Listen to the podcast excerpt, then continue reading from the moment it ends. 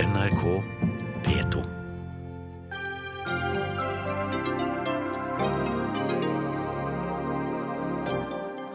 Den amerikanske etterretningstjenesten NSA skal ha samlet inn 200 millioner tekstmeldinger daglig fra hele verden. Nå varsler president Obama innstramninger i denne praksisen. Stockholm trekker sin OL-søknad for 2022. Vi bør gjøre det samme, mener Jan Arild Snoen. Nei, nå er vi ett skritt nærmere målet, sier byrådslederen i Oslo. 80 beboere innesperret på sykehjem i Oslo siden september pga. heisstans. Fullstendig uakseptabelt, sier Seniorsaken.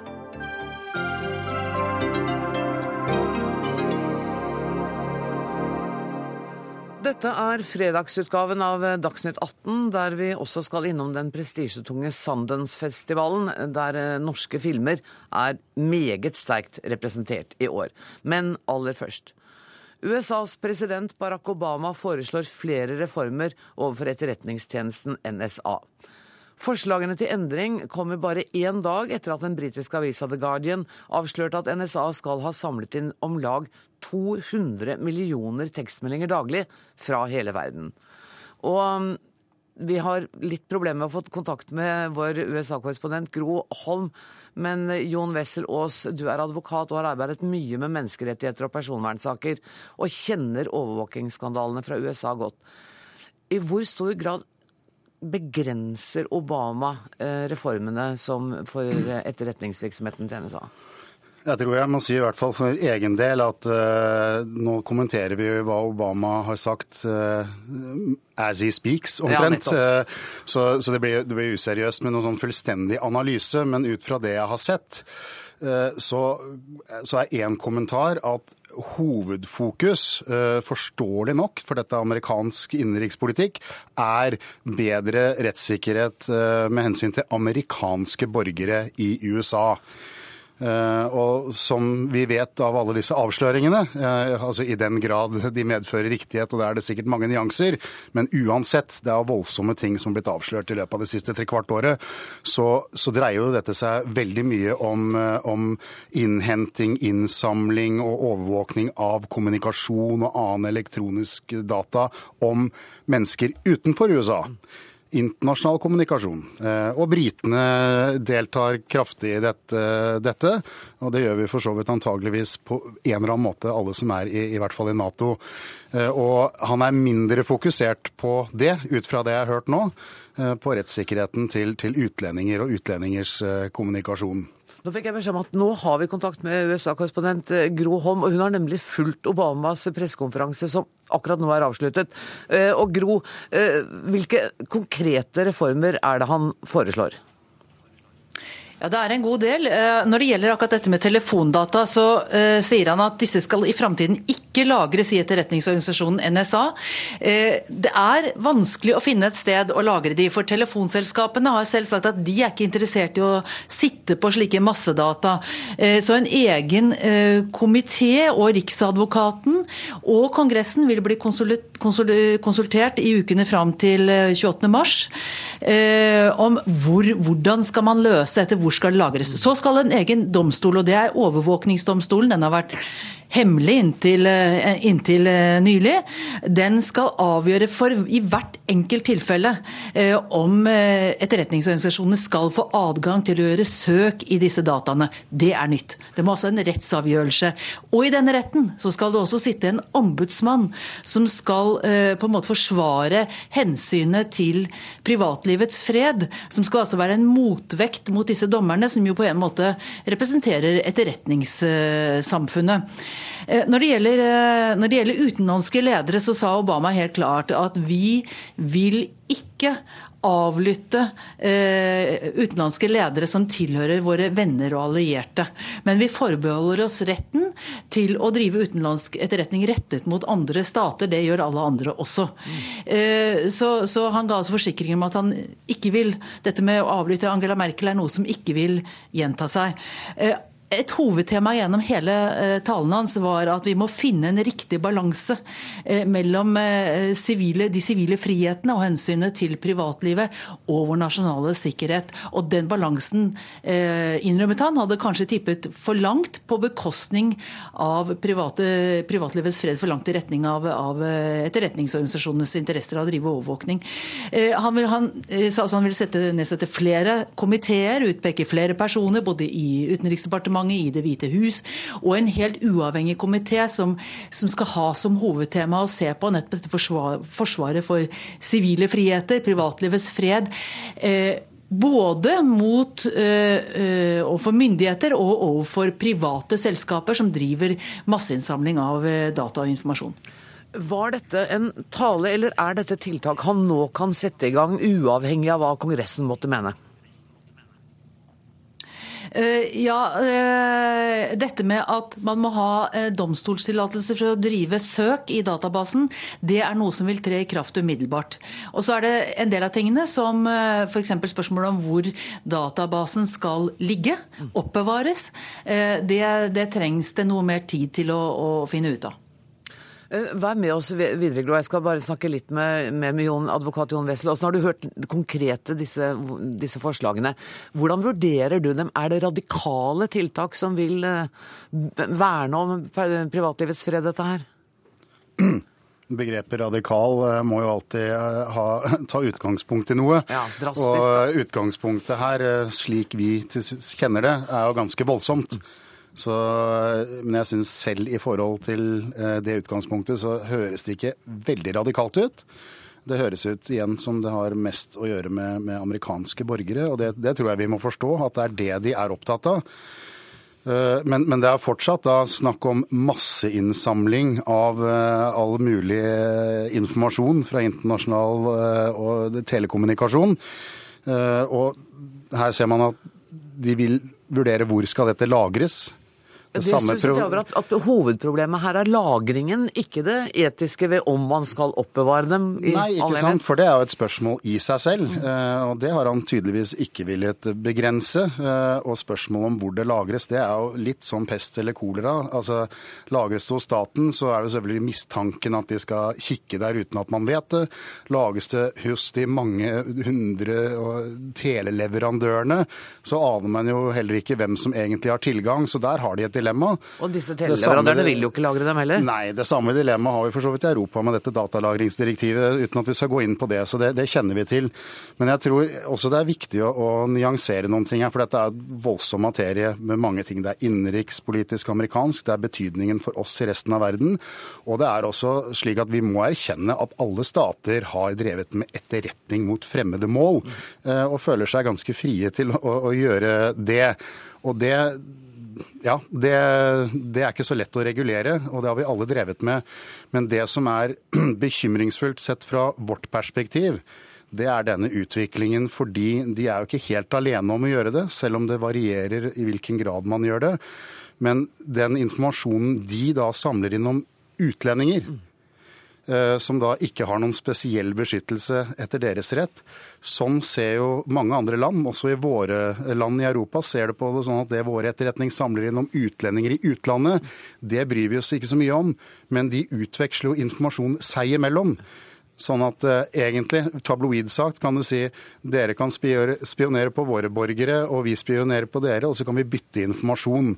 Og, og, det skjer jo i stor grad, og har, har alltid skjedd. Men, men, med den elektroniske kommunikasjonen vi alle bruker og egentlig er avhengig av i dag, så blir det på et helt annet nivå enn en for 30 år siden, for å si det sånn. Og... Gro Holm, eh, hvordan har reaksjonene vært eh, i USA etter at avisa The Guardian avslørte at det, at det er hundrevis av millioner av tekstmeldinger daglig som blir samlet inn? Den uh, nyheten som jo kom i går, har nesten druknet i det som er sagt og skrevet om uh, rundt Obamas forventede tale, som jo nå er kommet nå, da. Uh, så, så, og jeg tror også det er en slags sånn trøtthet. Det er liksom bare enda en ny runde med avsløringer i en lang rekke. og og som også Jon Wessel Aas var inne på, dette var jo en avsløring som særlig gjaldt da uh, utenlandsk kommunikasjon, altså ikke amerikanske tekstmeldinger. Og dermed så blir liksom temperaturen rundt debatten om det helt annen. Nei, det blir nesten ingen temperatur i det hele tatt, for det er noe som amerikanerne ikke bekymrer seg så veldig over.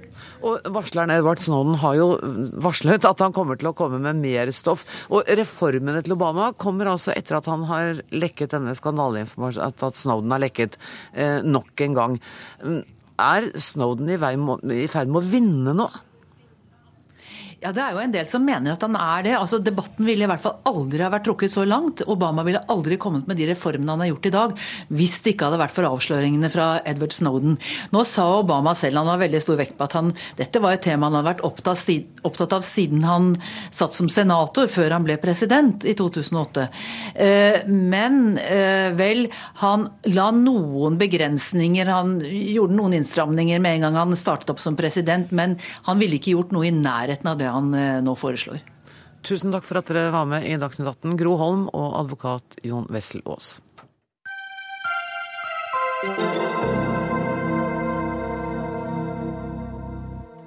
Sverige kommer ikke til å søke om å få arrangere OL i Stockholm i 2022. Flertallet i Riksdagen går imot en slik søknad av økonomiske årsaker. Det betyr én konkurrent mindre for Oslo, og så vidt jeg har skjønt det, så syns du det er en veldig god nyhet, Eli Grimsby, direktør for Oslo 2022. Ja, det er ingen tvil om at eh, Sverige kunne blitt en krevende konkurrent for oss. Vi eh, ville hatt en del likheter mellom vårt konsept og de sitt konsept. Vi har kommet betydelig lengre med vår utvikling enn det de har. Men hadde svenskene bestemt seg for å gå for dette, så tror vi måtte regnet med hard kamp derfra. Da hadde du blitt litt nervøs, nå er du litt tryggere? Ja, iallfall blitt litt trygget. ja. Eh, men det er jo en opinion i Norge også mot at vi skal gjøre dette. Er du sikker på at, det, at du får med deg eh, hele Norges befolkning på at vi skal gjøre dette?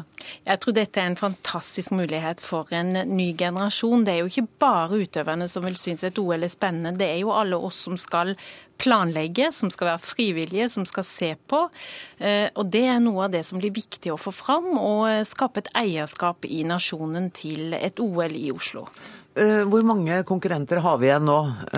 Eh, ja, Vi har jo mistet noen underveis, men vi har fremdeles eh, fire i tillegg til Oslo som er søkere. Og, og Hvem er den viktigste konkurrenten? Ja, Det er litt vanskelig å si, men den som er lengst unna er Beijing, og den som er nærmest er Krakow. Jeg tror at vi må forvente at de vil legge all sin sjel og masse flid i arbeidet. Alle drømmer om å få OL til sin by og sitt land. Så, så de vil gjøre sitt beste for å vinne lekene til seg. En som eh, gjerne ser at Krakow eller noen andre får eh, disse olympiske lekene, det er Jon Arild Snoen. Du er kommentator for Brinerva og medlem av Høyre. Eh, det ser jo mer ut som det kan komme til å gå i retning av Oslo nå etter at Sverige trakk seg? Ja, det er åpenbart at sjansen for det er betydelig bedre i dag. og Derfor er det ekstra viktig at regjeringen sier nei til statsgaranti. Ja, Hvorfor er det så viktig?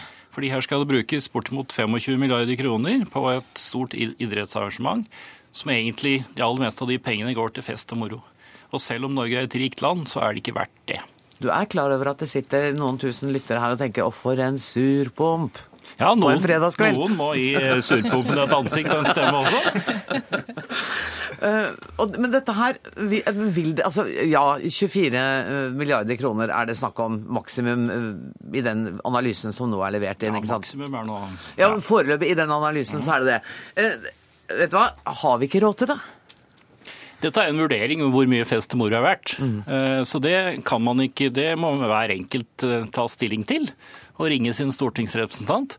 Dette er altså Jeg tilbyr nå 6000 kroner til hver enkelt voksne menneske i Norge eh, for å si nei til OL. Du kan velge mellom det. 6000 kroner på labben eller å få OL til Oslo. Stian Bøger Røsland, er du så glad i å feste at du er villig til å svi av disse milliardene? Altså, jeg tenker jo at Man kan ha ulike innganger til dette. og det er klart at det er veldig mye penger. og Sannsynligvis er ikke dette mulig å, å tjene på heller, selv om man liksom har diskusjoner om samfunnsøkonomisk nytte og sånn. Jeg tror man skal, eh, Dette er kostbart og det er, det er, dyrt. Men man skal ta med seg i vurderingen at Norge er det land i verden som har vunnet flest gullmedaljer i olympiske vinterleker. Og vi er et av verdens eh, minste land. Vi elsker å reise rundt og uh, se på våre utøvere. Vi følger dem på TV. Vi engasjerer oss. Nå åpner snart Sotsji-OL, og vi ser på alle TV-kanaler i Norge Norge, så er det nedtelling. Og dette er en stor eh, ting i Norge. Ja, men det er i Norge. For det er jo ja. altså Skiskyting og kombinert er jo ikke liksom de store idrettene sånn globalt sett. Nei, men du har uh, alpin, du har uh, kunstløp, du har mange store idretter også, selv om langrenn også er, er viktig. Men jeg tenker at av og til så er det sånn at når vi drar på besøk til alle andre, så burde vi også invitere alle andre hjem til oss. Man kan jo si at man ikke bør delta i OL, at OL ikke bør finnes, at det ikke bør eksisteres. Og så lenge det eksisterer, så skal ikke Norge delta. Det er jo et fair argument, det i og for seg. Eh, men så lenge det fins, og så lenge vi ønsker å delta, så lenge vi gleder oss over eh, deltakelse, så syns jeg av og til, én gang hver generasjon, kanskje, så, så bør vi invitere hjem. Mm. Eh, jeg trodde at du nå kom til å argumentere for etterbruk, at det ville skape masse nye inntekter, for det har vært den gamle argumentasjonen. Men det gjør du ikke lenger? Altså, jeg tror det skaper mange muligheter. Eh, vi har hørt noen som snakket om eh, mobiltelefoneventyret til Telenor. Eh, det fikk egentlig sin start på Lillehammer, og det var ingen som hadde spådd det på forhånd. Jeg tror det skjer utrolig mange spennende utviklinger som vi ikke klarer å spå i dag, i kjølvannet av et OL. Vi kommer til å få bygget nye anlegg, vi kommer til å forbedre infrastrukturen vår. Men det, er ikke så, det, det fins enklere måter å, å, bygge anlegg og og drive bedre infrastruktur enn å invitere hele verden til OL. Men jeg syns vi skal gjøre det likevel likevel. Fordi at eh, det bidrar til eh, et fellesskap. Det bidrar til eh, utvikling av frivillighet, av dugnad. Og jeg tror også vi har en mulighet til å ta OL ned til et annet nivå enn det vi kommer til å se i Sotsji. Vi kommer til å, å gjøre det mer eh, om idrett, mer om, om eh, folkefest, mer om frivillighet, mer om det vi eh, forbinder med, med, idrett, enn det vi kanskje ser i, i Sotsji. Du er byrådsleder for eh, Høyre. Hvor, hvor dyp er splittelsen i Høyre på dette spørsmålet her? Altså, det er, uh, i, i, Høyre så er det ulike syn på dette. Vi har akkurat hørt uh, Jan, Jan Arild som uh, Vi har diskutert dette, dette mange ganger før. Men, men, det er klart at Høyre er jo et parti som også er et idrettsparti. Som er et parti som ønsker å bidra til frivillighet. Og et OL bidrar nettopp til idrett. Det bidrar til frivillighet. Det bidrar til at vi kan definere litt hvem vi er. Vi kan samles. Vi kan samles om noe stort, noe som er større enn oss selv. Vi kan få til noe vi ikke ellers hadde fått. Mm. Men det er dyrt, for all del. Ja. Så nå, det, er, det handler om raushet, gjestfrihet, identiteten vår og det vi kan få til. Altså, hvis vi nå skulle være sjenerøse og rause med 25 milliarder kroner, så finnes det mer eh, verdig trengende eh, i dette landet enn enn i verden, enn Gerhard Teiberg og Børre Rognlien og deres idrettsbevegelse, syns nå jeg. Men, men, det er jo en prioritering du må gjøre. Hva er det verdt å bruke penger på? Eh, og dette blir da for dyrt. Eh, selv om jeg er enig med, med byrådslederen i at dette blir å ta det ned fra Sotsji. Det skal bare mangle, da, for det er et gigantarrangement. Vet vi noe om hva Sotsji koster? 1-0 til i tillegg til ja, Oslo. Sånn de, de, anslår ca. 300 milliarder. Ja, ja nettopp. Men det er, så er det sånn, hvis ingen andre vil arrangere dette. Da kan, kan denne problemstillingen bli aktuell. Altså Norge må ofre seg for at det skal bli et OL, hvis ingen andre vil gjøre det. Mm.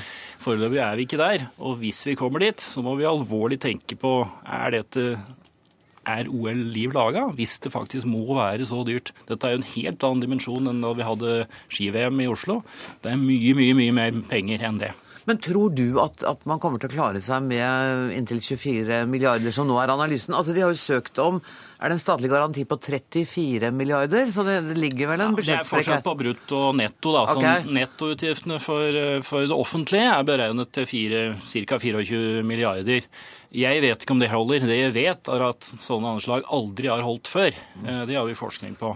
Men la oss gå ut ifra at det koster det, da. Ja, Så er det allikevel for mye penger. Det, det, som, det, som, jo skjedde i Sverige i dag, og det er litt viktig å ha med seg i diskusjonen, det er jo at eh, Våre venner i Sverige, i Stockholm, sa jo at de i og for seg er jo langt på vei tilhengere av at også Sverige og Stockholm en gang skal være OL-by.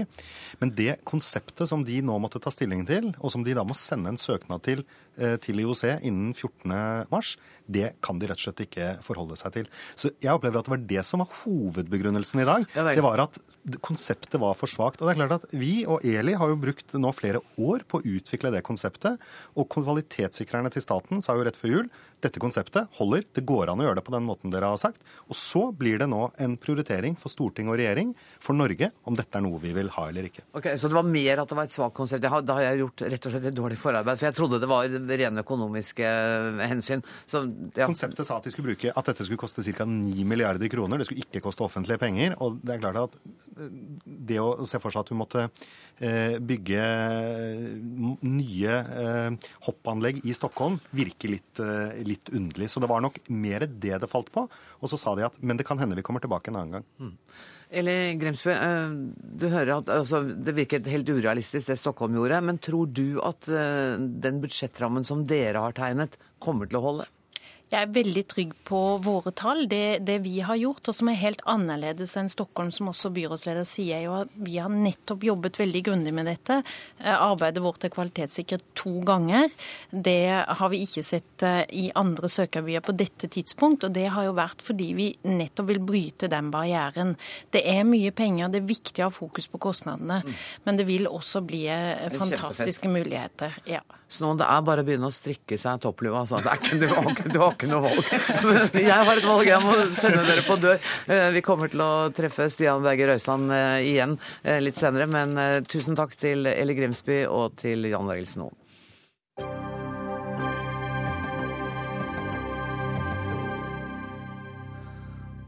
Så til noe langt mer alvorlig, til og med enn OL. Henrettelsen av den dødsdømte Dennis Maguire har skapt ny debatt i USA. Maguire levde i mer enn ti minutter etter at giftsprøyten ble satt, og både hans forsvarere og motstandere av dødsstraff mener behandlingen av ham var inhuman.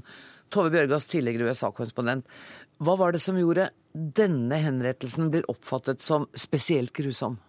Det tok veldig lang tid før han faktisk døde, og han, han gispet etter pusten i, i 10-13 minutter, sier øyenvitner. Men det som har, har, satt spesielt siden i kok både før og etter henrettelsen, er at det ble brukt noen medisiner her som aldri er blitt brukt før til å henrette et menneske. En kombinasjon av et beroligende middel og en type morfin eh, som man ikke hadde testet ut før. Eh, og, og, det gjorde at de prøvde å, å stoppe denne henrettelsen før den skjedde. men de gjennomførte den altså, og, og med dette resultatet. Hva er grunnen til at de prøver noe som er uprøvd? Det er rett og slett at, at farmasøytiske selskaper, bl.a. et dansk selskap som lager den cocktailen som er blitt brukt i, i mange tidligere henrettelser i USA, nekter at denne skal brukes til å henrette mennesker med. Man har brukt type medisiner som brukes til å avlive hunder og katter med. Eh, men, og nå har altså disse delstatene i USA problemer med å få tak i eh, disse medisinene. Derfor må de ty til alternativer. Og, og Ohio har det også prøvd seg på dette, som kanskje ikke var helt heldig. Det er jo eh, så vidt jeg vet, 32 stater det, som har dødsstraff. Og i alle disse statene så er giftsprøyte godkjent som et, et middel til å henrette.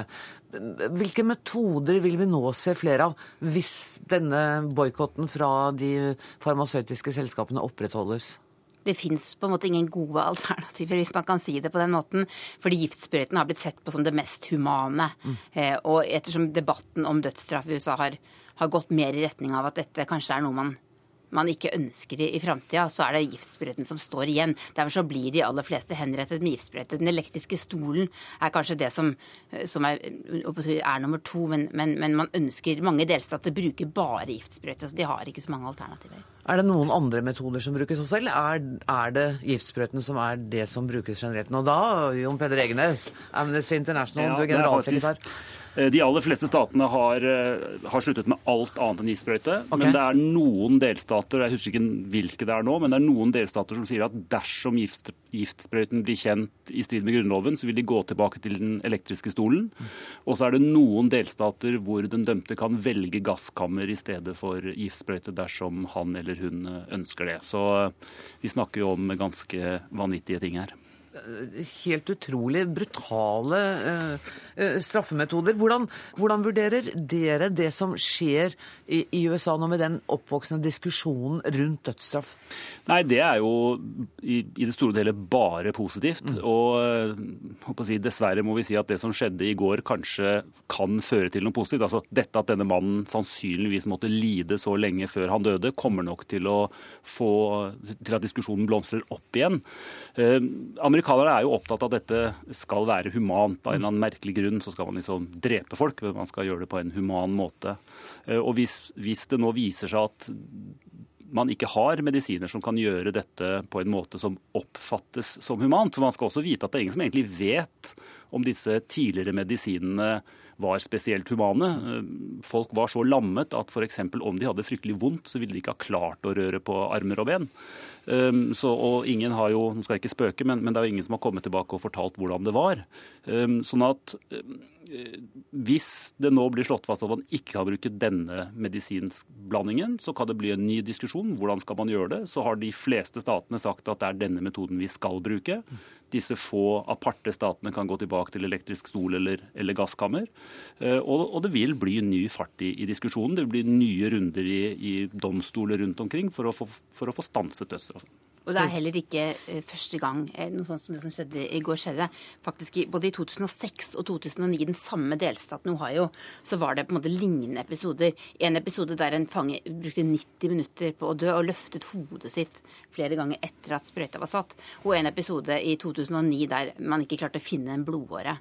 Eh, og, og, da satte man på et tidspunkt et lokk på altså man, man, utsatte alle videre henrettelser. Men så, så, satte man da i gang igjen. Men, men det som har skjedd også, er at altså, det har jo falt kraftig. 1999 ble 98 mennesker henrettet i USA, og i fjor ble 39 henrettet. Mm. Og langt færre idømmes også dødsstraff nå. Så det er en utvikling i den retningen. Men det er altså fortsatt så mye som 32 delstater som tillater dette. Men er det også en voksende opinion mot dødsstraff? Det er vel Altså, det, det svinger litt. Man sier at, at de siste målingene altså ca. 60-65% av landets befolkning er for. Men samtidig så, så, er, man, så, er, så er, det liksom litt på vei ned. Eh, og f.eks. i California hadde man en folkeavstemning for to år siden der det var veldig knapt flertall for å fortsette. Mm. Så, så, så, det går nok i den retningen. Og det som også er viktig her, er at eh, det koster så mye å gjennomføre disse henrettelsene. Den juridiske prosessen rundt dette, mm. appellene, eh, alt, alt, hele, og, og, også på en måte det å forsikre seg om at, at disse menneskene faktisk har begått de, de ugjerningene de er dømt for, det, det, er, det er også en, en side av debatten. Og også den lidelsen ved fra, den tiden det tar fra dommen faller til fullbyrdelse av den, den, den, Vi snakker om årevis, men det var ikke det du skulle kommentere? Agnes. Nei, jeg skulle, bare, jeg, jeg skulle gjerne si, snakke om det òg. For det, ja. det, er jo men, altså menneskerettighetsbruddet, dødsstraffen, sånn som jeg ser det, handler jo ikke først og fremst eller bare om henrettelsen og er den smertefull eller ikke, men det er hele prosessen som er en eneste lang, grusom og umenneskelig prosess. Men det jeg skulle si var litt om, om dette med, med, opinionen i USA. Eh, fordi at jeg tror du har rett når du sier at ca. 65% er for dødsstraff dersom du spør er du for eller mot dødsstraff.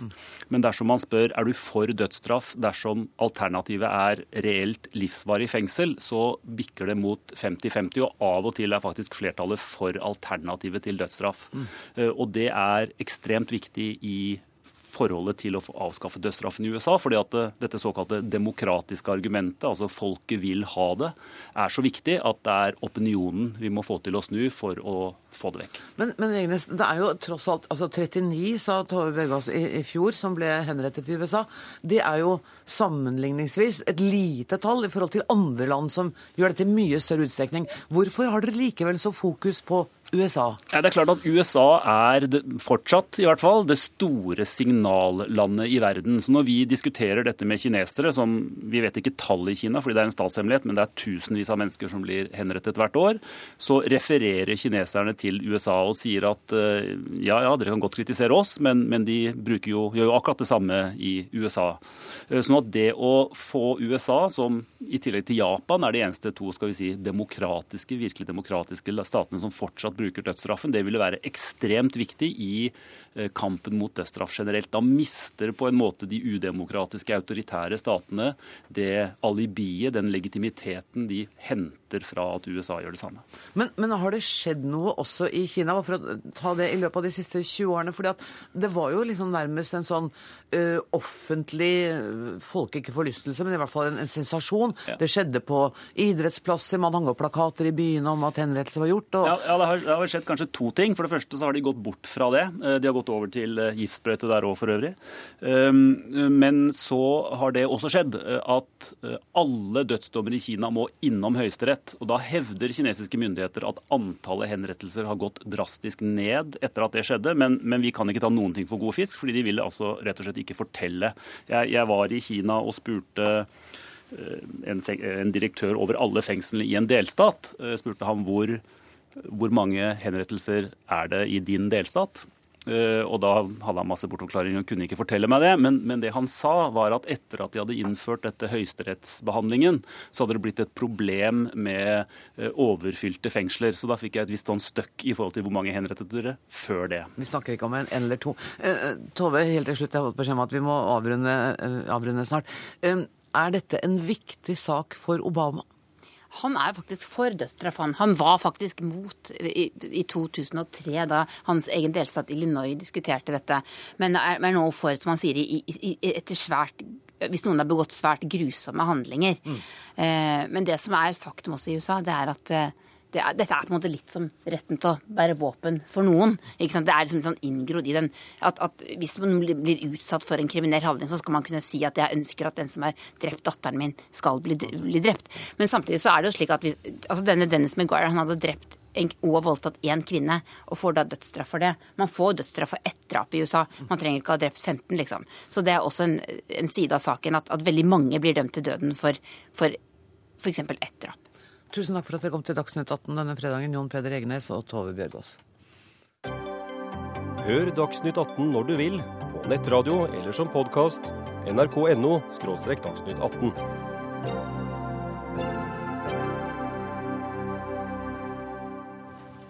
På NRK-nyhetene i går kunne vi se at ved sykehjemmet Nordseterhjemmet i Oslo er 80 80 beboere så å si låst til sin egen etasje. Grunnen er at de to heisene i den fire etasjer høye bygningen er ute av drift. Én har stått stille siden september i fjor. Den andre kan ikke brukes fordi den ikke er til å stole på. Omsorgsbygg, som er ansvarlig for heisene, sier at problemene kan bli løst, og vil bli løst, i juni. Knut Kristian Høvik, generalsekretær i Seniorsaken. Hva tenkte du da du hørte om denne saken? Ja, når vi hørte denne saken, så ble vi jo rimelig forferdet. Eh, det er tragisk. Eh, det vi tenker er vel i realiteten at eh, du har to forferdelige konsekvenser. Du har De sosiale konsekvensene er jo fullstendig uakseptable. Men det er også et sikkerhetsmoment inne i bildet her som også kan gi tragiske konsekvenser, og det er også helt urealistisk. Hva, hva skal man gjøre for å unngå slike situasjoner? Ja, dette må jo være et systemsvikt. Eh, man sier jo at det var et menneskelig svikt, men dette må være en systemsvikt. Og det er klart at uh, det er jo ledelsen, det er noe galt med ledelsen. Ledelsen har ansvaret for et slikt systemsvikt, å rette opp det her. Etter fire måneder så har vi i dag fått opplyst at problemet nå skal bli delvis løst. Heisen som har vært ødelagt, skal bli ordnet. Men heisen som står, blir altså stående til juni. Er det godt nok? Nei, det er helt, helt totalt uakseptabelt. Per Morten Johansen, administrerende direktør i Omsorgsbygg i Oslo kommune. Det er du som har ansvar for bl.a. heisene ved Nordseterhjemmet. Hva var det som gikk galt i denne saken? Ja, nei, Dere har jo for så vidt vært eh, inne på noe knytta til hendelsen. Eh, Omsorgsbygg er ansvarlig for 209 heiser. Eh, det ble en driftsstans på, ifølge de loggene jeg sitter på, så ble det en driftsstans på den ene heisen i februar. Og så har den eh, motoren som da ble tatt ut, blitt liggende og ikke fulgt opp før i september. Og det er det vi snakker om som vi snakker om en menneskelig svikt og jeg kan til dels også si meg enig i at eh, da har man også en systemsvikt i forhold til at det burde vært fulgt opp videre. Det som er viktig å presisere, er at den andre heisen, heis 2, Den har vært i full drift hele tiden. Men med en plakat på om at den ikke bør brukes annet enn i eh, tvingende nødvendige situasjoner, fordi den ikke er til å stole på. Det så jeg også i går, at det sto en slik plakat på heisen. Eh, og jeg syns jo på mange måter at det er veldig uheldig at man går ut med en informasjon om at heisen ikke skal brukes. Jeg har vært i kontakt med våre servicefolk på heisen, eh, og de er nå i gang med å gi oss garantier for å kunne holde denne heisen i drift fram til vi har på plass en ny heis nummer to. Men Per Morten Johansen, hva er det som er problematisk? At man går ut med opplysninger om at heisen er ustabil, eh, eller at den faktisk er ustabil? Eh, det jeg er kjent med, er at heisen begynte å være ustabil i desember. Og i henhold til den loggen som jeg sitter på, så har vi tre til fire driftsstopp. Det er, ingen, det er for, ikke noe forsøk på å si at heisen er i fullstendig god stand. Men det vi ønsker å gjøre nå, og sørge for, er at den heisen er i slik god stand at den kan benyttes som en ordinær heis. La oss gå tilbake til den andre heisen, som altså er ødelagt. Du sa at de første problemene oppsto i februar. De ble ikke tatt uh, ordentlig hånd i før i september. Og i dag, så vidt jeg vet, gikk det ut uh, an en anbudsinnbydelse på ny heis. Det er riktig. Ja. Eh, det gikk ut Vi kan vel ikke kalle det rask saksbehandling, dette her? Det er helt riktig, som vi sier også i forhold til hele, hele selve anskaffelsesprosessen her. I desember så ble det lagd og starta opp og utkast til en kravspesifikasjon som ble lagd i, i desember. Og det ble starta opp et arbeidsmøte med heiskonsulenten i januar. Og det er først nå på fredag at konkurransen gikk ut. Altså det betyr i dag. Men du, har, jeg må bare spørre, har dere, har dere på en måte satt dere ned og tenkt gjennom at det er 80 mennesker som har problemer med å komme seg ut pga. det som er sendrektighet og sommel hos dere? Det har vi gjort i går. I går, ja.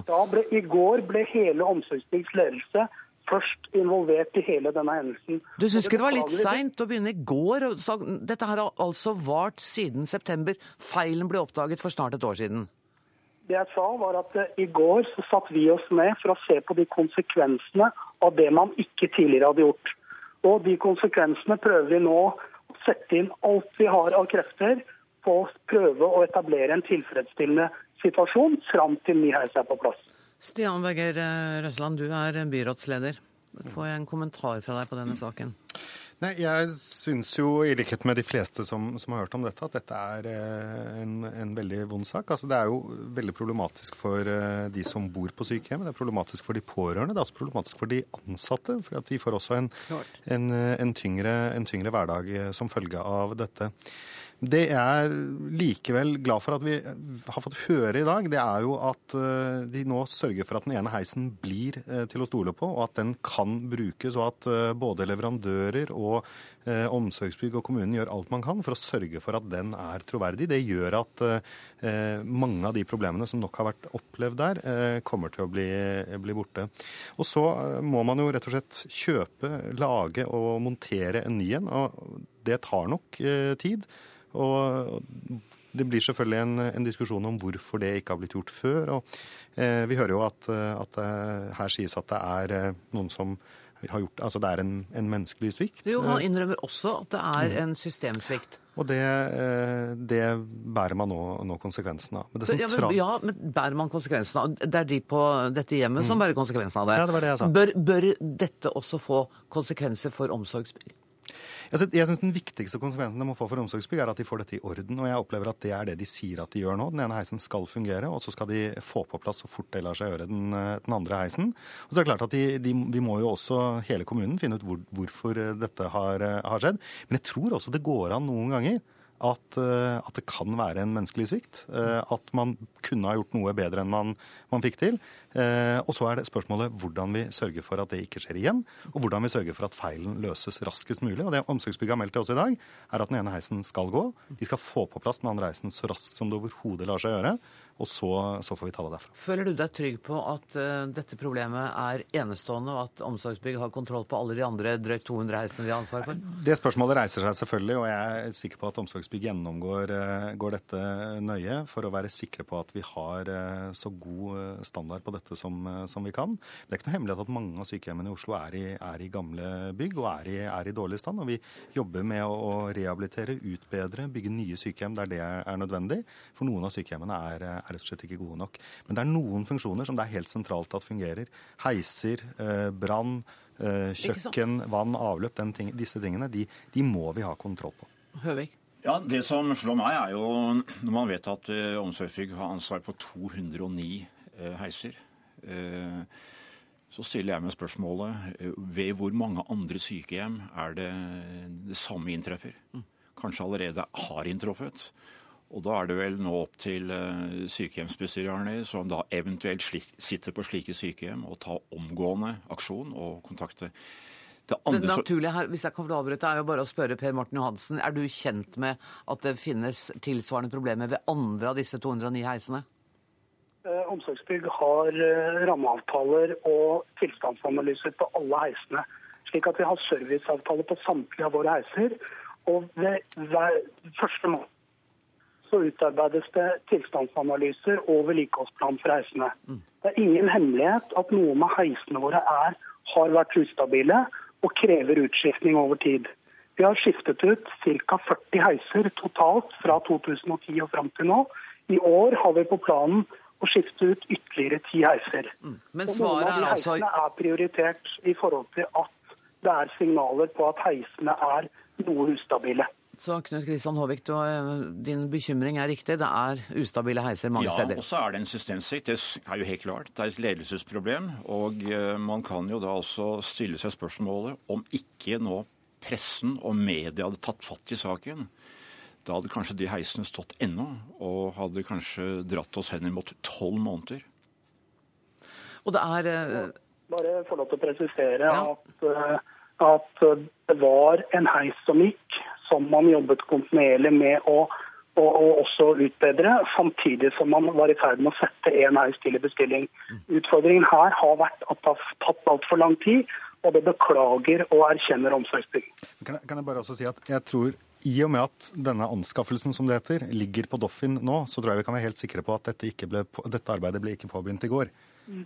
Fordi Hadde arbeidet blitt påbegynt i går, så hadde det ikke vært mulig å legge det på, på, det som heter Doffin, altså anskaffelsesportalen i dag.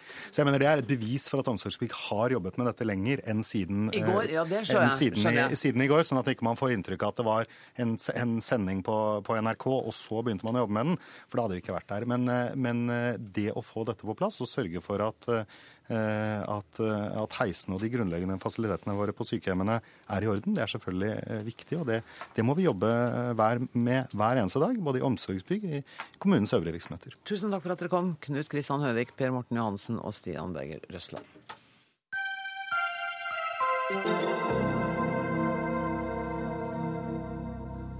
Da skal det handle om norsk film. Jeg ser fortsatt i drømmer.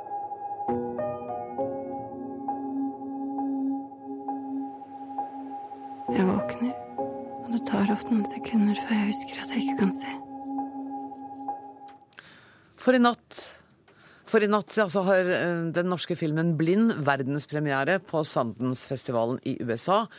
Og i tillegg er den også valgt til å vises under Berlin filmfestival.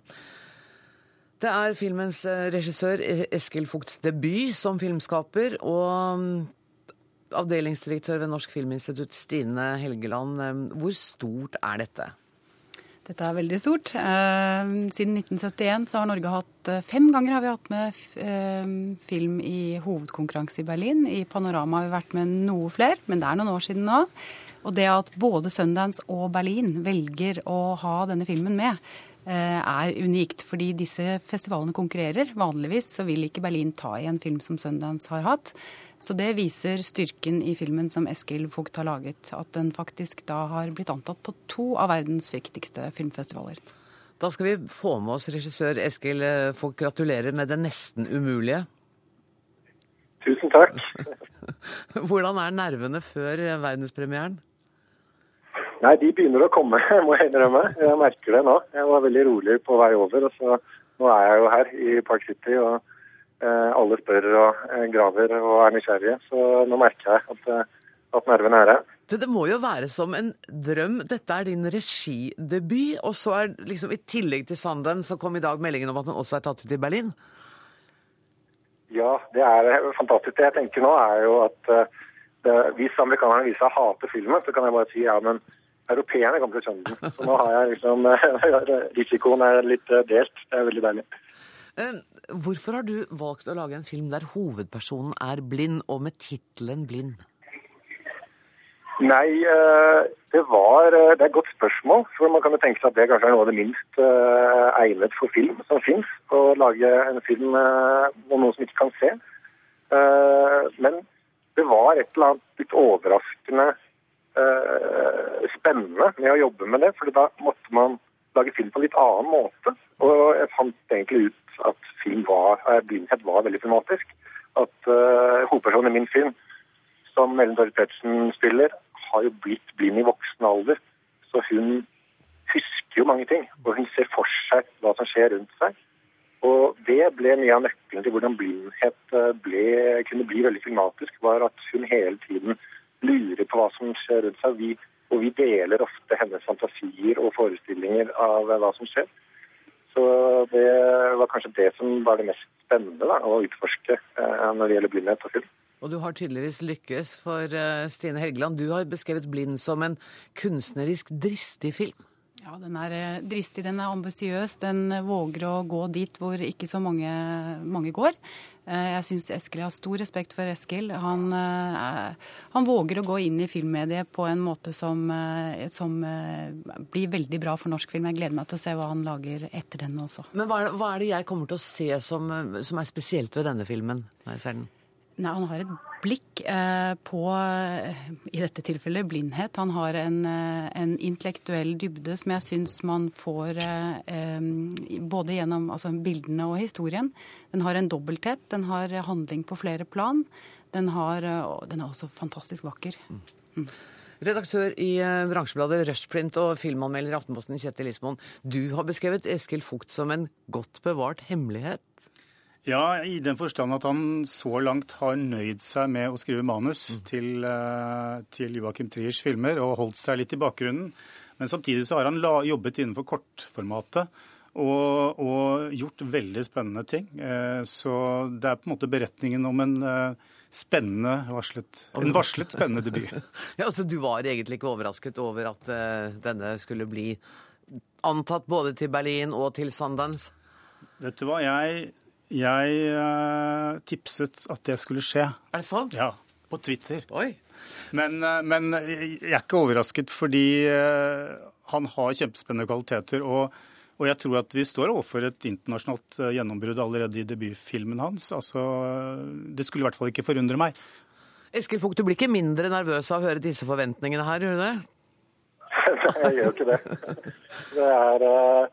Nei, men akkurat nå gleder jeg meg veldig til å vise filmen, mm. og ikke minst uh, se fram også til den norske premieren. For det er jo, uh, det er jo så viktig hvor, hva, hva, kommer til å skje når den vises her hjemme. Mm. Og, den, og, det kan jeg fortelle. Ja, og, ja, nettopp her hjemme. Og premieren i Norge er altså 28. februar. Men, men Lisbon, det er jo ikke bare denne filmen. Vi gjør det ganske sterkt når det gjelder representasjonen på Sundance denne gangen. Ja, vi har, eh, så vidt jeg har forstått, eh, Stine kan kanskje utdype det, men at det er Vi har aldri vært til stede med så mange filmer på Sundance, som jo er en Stemmer. viktig innfallsport til det amerikanske markedet for såkalt uavhengig film. Eh, så ikke sant, mens Oscar-prisene tar for seg stjerner og glamour, så er altså Sundance en litt mer en jordnær vei til, hva skal vi si, Amerika, hele det amerikanske kontinentet. Så det er, det er, ikke bare jeg som sier at det er en prestisjetung filmfestival. Den er virkelig viktig, Stine? Ja, absolutt. Den er en av de fem viktigste filmfestivalene i verden. Eh, og det å kombinere, som Kjetil sier, altså det amerikanske indie-markedet, som er altså Det er så trangt å komme seg inn der. Eh, veldig, veldig vanskelig. Med europeisk intellektuell eh, festival. Altså Berlin har jo en intellektuell tyngde innenfor filmkunsten som uh, den er alene om. Mm. Å kombinere disse to, det, det er spesielt. Men eh, fortell litt om de andre filmene, for vi er jo representert sterkt der i år. Mm. Jo, vi har også Mona Fastvold med 'Sleepwalker', eller 'Søvngjengeren', som kommer på kino i Norge nå snart. Hun er også et spennende nytt navn eh, i norsk film. Hun eh, har laget film sammen med flere hun har gått på skole med i New York.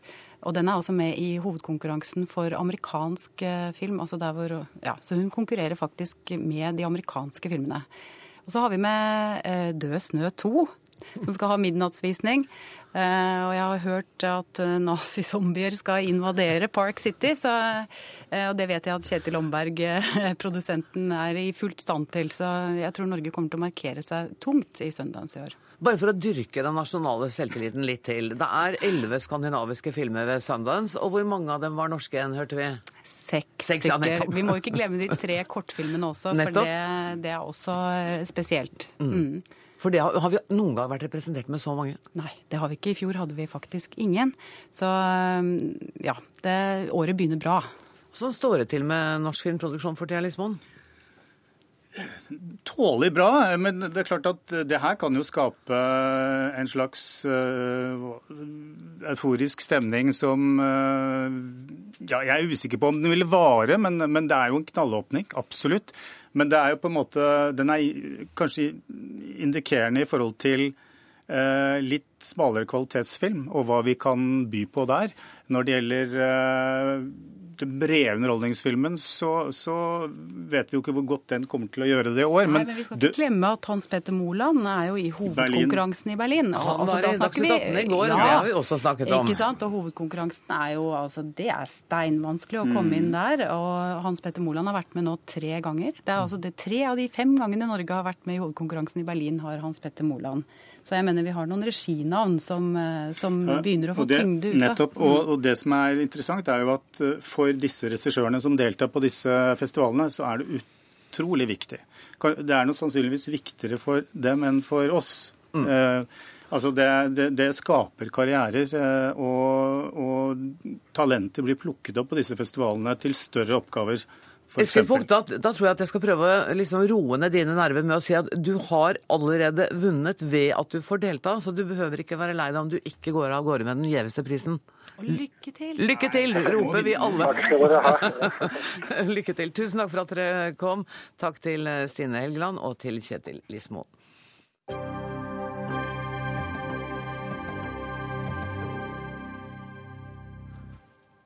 Unge Høyre og Fremskrittspartiets Ungdom gjør ikke jobben sin. Det hevder du, Eskil Pedersen, leder av AUF.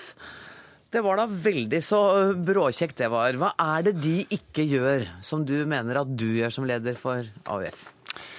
Jeg mener det er eh, noe veldig fint eh, i norsk politikk, og det er at eh, ungdomspartier de har en veldig selvstendig rolle. Mer innflytelse enn i mange land. En av grunnene til det er at vi f.eks. også åpent kan være uenige med vårt eget parti og kritisere vårt eget parti.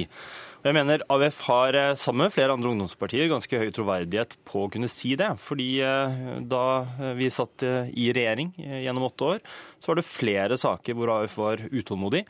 Vi sa som den første saken etter regjeringsskiftet i 2005 at hvis ikke vi får gratis skolebøker, så kommer vi ikke til å møte opp i skoledebattene to år etterpå. Og da gjorde igjen som vi sa, og vi var åpent kritiske der. Men vi har også gjort det i andre typer spørsmål. Lofoten, Vesterålen, asylbarn osv. Eh, og etter regjeringsskiftet så synes jeg at det har vært bemerkelsesverdig stille fra Unge Høyre og FPU. Eh, til tross for at de har gått på ganske mange store politiske nederlag. Alle som har vært i nærheten av en skoledebatt, har hørt eh, Paul Joakim og andre for Unge Høyre være veldig høye mørke, mørke på sidemål, at det skulle bort, at det skulle bli valgfritt. Eh, og Det har vært en veldig viktig kampsak for Unge Høyre. Eh, nå har vi fått fasiten etter regjeringsskiftet at sidemål som det står i regjeringserklæringen, skal bli litt mer spennende. Eh, og Da syns jeg det er rart at ikke vi har hørt nærmest et pip fra Unge Høyre i det spørsmålet. Så jeg etterlyser egentlig at de kommer litt på banen, for det er mye gøyere å diskutere ungdomspolitikk hvis du har noen å diskutere med. Paul Joakim Sandøy, det er du vel enig med meg Det er gøy å diskutere når man har noen å diskutere med, og der har dere svikta, da. Nei, det har vi ikke i det hele tatt. Altså, det, det, er veldig mye rart her, men for å ta det med gjennomslag først, så blir vi jo angrepet på at vi ikke har fått gjennomslag. Eh, og Derfor så eh, tenkte jeg liksom først at de skulle svare med å vende speilet og minne AUF på alle nederlagene de gikk på gjennom åtte år med flertallsregjering. Vi må være ferdig klokka sju. Nettopp. Men så kom vi på at dette er egentlig en veldig fin anledning til å opplyse Dagsnytt 18 sine seere og lyttere om eh, alle gjennomslagene Unge Høyre har fått gjennom bare på tre måneder. Så hvis det er greit, så tok jeg med meg ei Igjen, klokka sju. lita liste her, ikke sant? Men for å begynne, nummer én, lærervurdering. Viktig sak for Unge Høyre. Nummer to, økt BSU gjør det enklere å komme inn på boligmarkedet. Nummer tre, fritt skolevalg på tvers av fylkesgrensa. Nummer fire, økt lærlingtilskudd. Viktig for å få inn flere lærlinger. Nummer fem, eh, regel om at det alltid er mobberen som skal bytte skole.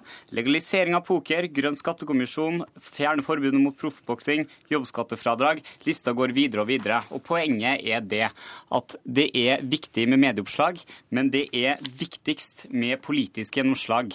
Eh, Og I løpet av tre måneder så har Unge Høyre allerede fått veldig mye gjennomslag, og vi skal få veldig mye mer i tida framover. Altså, jeg, jeg er helt enig i at det viktigste er å få politisk gjennomslag. Eh, men det er klart at eh, det er fint at Unge Høyre har funnet noe i regjeringserklæringen de er enig i. Eh, det er klart at Hvis du skal på en måte legge lista der, at jeg skal si det er en seier fra AUF at eh, Arbeiderpartiet gikk imot privatisering av skolen på sitt landsmøte, så legger du lista for lavt. Eh, og av de sakene som var mest framme i valgkampen, som vi diskuterte, og som du var ganske tydelig på, om det er egenkapitalkravet ved kjøp av bolig, om det er sidemål, om det er karakter i barneskolen. Alle sakene er avlyst noen få dager etter regjeringsskiftet, og vi har altså ikke hørt noen kritikk. Og greia er at jeg er enig i at du skal ta kamper internt, og du skal eh, først og fremst jobbe for å få gjennomslag. Og det er andre måter enn bare gjennom mediene. Men å bruke mediene også for å vise at det er meningsbrytninger i et parti, det er makt. Det er innflytelse. Det har vi erfart. Og når han sier at vi har eh, ikke fått gjennomslag for mange saker Jeg kan også liste opp en, eh, mange saker som vi har fått gjennomslag for. Jeg skal ikke gjøre det. Bare men, for å få svare men vi på har det, jo, vi fordi- har jo f.eks. da gått ut mot Arbeiderpartiet eh, når vi har vært uenige i, i miljøsaker. Og på den måten har vi flytta politikken også. Vi kunne latt være å si noe om det, men da hadde ungdom tapt, eh, og vi velger å ha den Er det ikke en del av den demokratiske prosessen at disse tingene skal opp og ut i Helt enig, og jeg skal svare på det. Men aller først så nevner du egenkapitalkravet. Det tror jeg ikke du har fulgt med. Unge Jeg Høyre sin politikk har eh, vært siden over et år siden at vi akkurat det regjeringa foreslår, nemlig å gjøre det til en veiledende norm. Og bare for det å si det mål, så er det litt underlig å bli angrepet på at vi ikke har fått gjennomslag for politikk som regjeringa ikke har flertall for i Stortinget, bl.a. pga. ditt eget parti. Eh, Og da, da blir det kanskje litt mye å kreve av forventningsstrikken. Men for å svare på det med utfordring. Jeg, jeg kjenner meg ikke igjen i det heller. Vi utfordrer mot partiet hele tida. Dag én så var Unge Høyre i Aftenposten med ti krav til en ny regjering fra de unge. Eh, Jeg har vært i dette studiet før. Utfordra Jan Tore Sanner til en mer radikal boligpolitikk. Vi utfordra til å fjerne sexkjøpsloven til en mer bærekraftig velferdsstat. Faktisk, hvis man går på nrk.no akkurat nå, hvis det er lov med litt eh, Absolutt. reklame Så for lenge du nettsatsinga, reklamerer for NRK, så er det helt så ser man bilde av en kjekk ung mann som står der med en regnbuepinn og utfordrer Erna Solberg og regjeringa på å ta opp menneskerettigheter i USA eh, og homofiles rettigheter nei, i Russland når man drar dit eh, og besøker en OL. Så vi utfordrer regjeringa hele tida. Problemet til AUF er at det er ikke på de sakene AUF vil at vi skal utfordre på, men det er det ikke AUF som dikterer. Men, men er det ikke eh, Eskil, er det ikke helt opplagt at tonen er en litt annen når moderpartiet sitter i posisjon enn når det sitter i opposisjon? Jeg mener det ikke trenger å være noe forskjell. Eh, Når Litt forskjell var det da hos dere også? Nei, altså Arbeiderpartiet satt i regjering, og AUF gjorde eh, kamp mot eh, Lofoten og oljeboring Lofoten og Vesterålen som en hovedsak. og Jeg tror de fleste fikk med seg at det var en uenighet der. Etter valget har jeg kritisert Arbeiderpartiet også for at ikke vi hadde tilstrekkelig miljøfokus i løpet av vår tid i regjering. Poenget er bare det at det er lett å liste opp saker hvor man har, har, er enige med sitt eget parti. Det er jo ikke en vanskelig øvelse. Men poenget er hva gjør man med de sakene man har vært veldig høye og mørke på i eh, en valgkamp. Eh, Og jeg er sikker på at eh, alle som har eh, hørt representanter for Unge Høyre og for FPU, har hørt de snakke om valgfritt sidemål, egenkapitalkravet. Det var det viktigste tiltaket når jeg debatterte med Paul Joachim, ifølge han, for å gjøre noe med at ungdom skulle inn på boligmarkedet. Og så har man da ikke Ikke bare har man ikke vunnet gjennomslag ennå, men regjeringen har sagt at det blir ikke noe av. Og da synes jeg det har vært bra for ordskiftet og for debatten å høre Unge Høyre også ta litt i. Eh, En av, en av eh, bevisene på at Unge Høyre hadde fått gjennomslag, eh, når jeg kritiserte de her om dagen, var at, var at de har fjernet arveavgiften. Du skal lete ganske lenge for å finne ungdommer som føler at det er på en måte gjennomslag for ungdom. Eh, så, så det er litt historieomskrivning her også. Ja, altså nå er jeg da ikke bare lista opp gjennomslag til Unge Høyre så langt og si at vi skal ha mer, jeg har også lista opp eh, der vi har utfordra internt senest nå. Uh, og det er liksom, Jeg kan nesten ikke ta ansvar for hva Eskil får med seg og ikke får med seg, eller ser og ikke ser. Men jeg har lyst til å si en liten ting til slutt. Vi er helt enige om at det er viktig å utfordre moderpartiet. Jeg mener at det er viktig å også gjøre det i opposisjon. Nå har Høyre lagt bak seg ganske mange år i opposisjon der vi har utfordra dem. Eh, og da vil jeg råde Eskil til å utfordre eh, Arbeiderpartiet og nå. Og vet du hva, jeg har sagt det noen ganger, vi må være ferdig til klokka sju, og nå sliter vi med det, altså. Men det som er deilig, er å slutte på en fredagskveld med at dere er enige om at det er viktig å utfordre moderpartiet. Jeg er veldig fornøyd med at dere kom med. Tusen takk, Eskil Pedersen og Paul Joakim Sandøy. Jeg skal bare helt kort fortelle at ansvarlig for denne sendinga var Odd Nytrøen. Det tekniske ansvaret har Lisbeth Selreite. Jeg heter Anne Grosvold.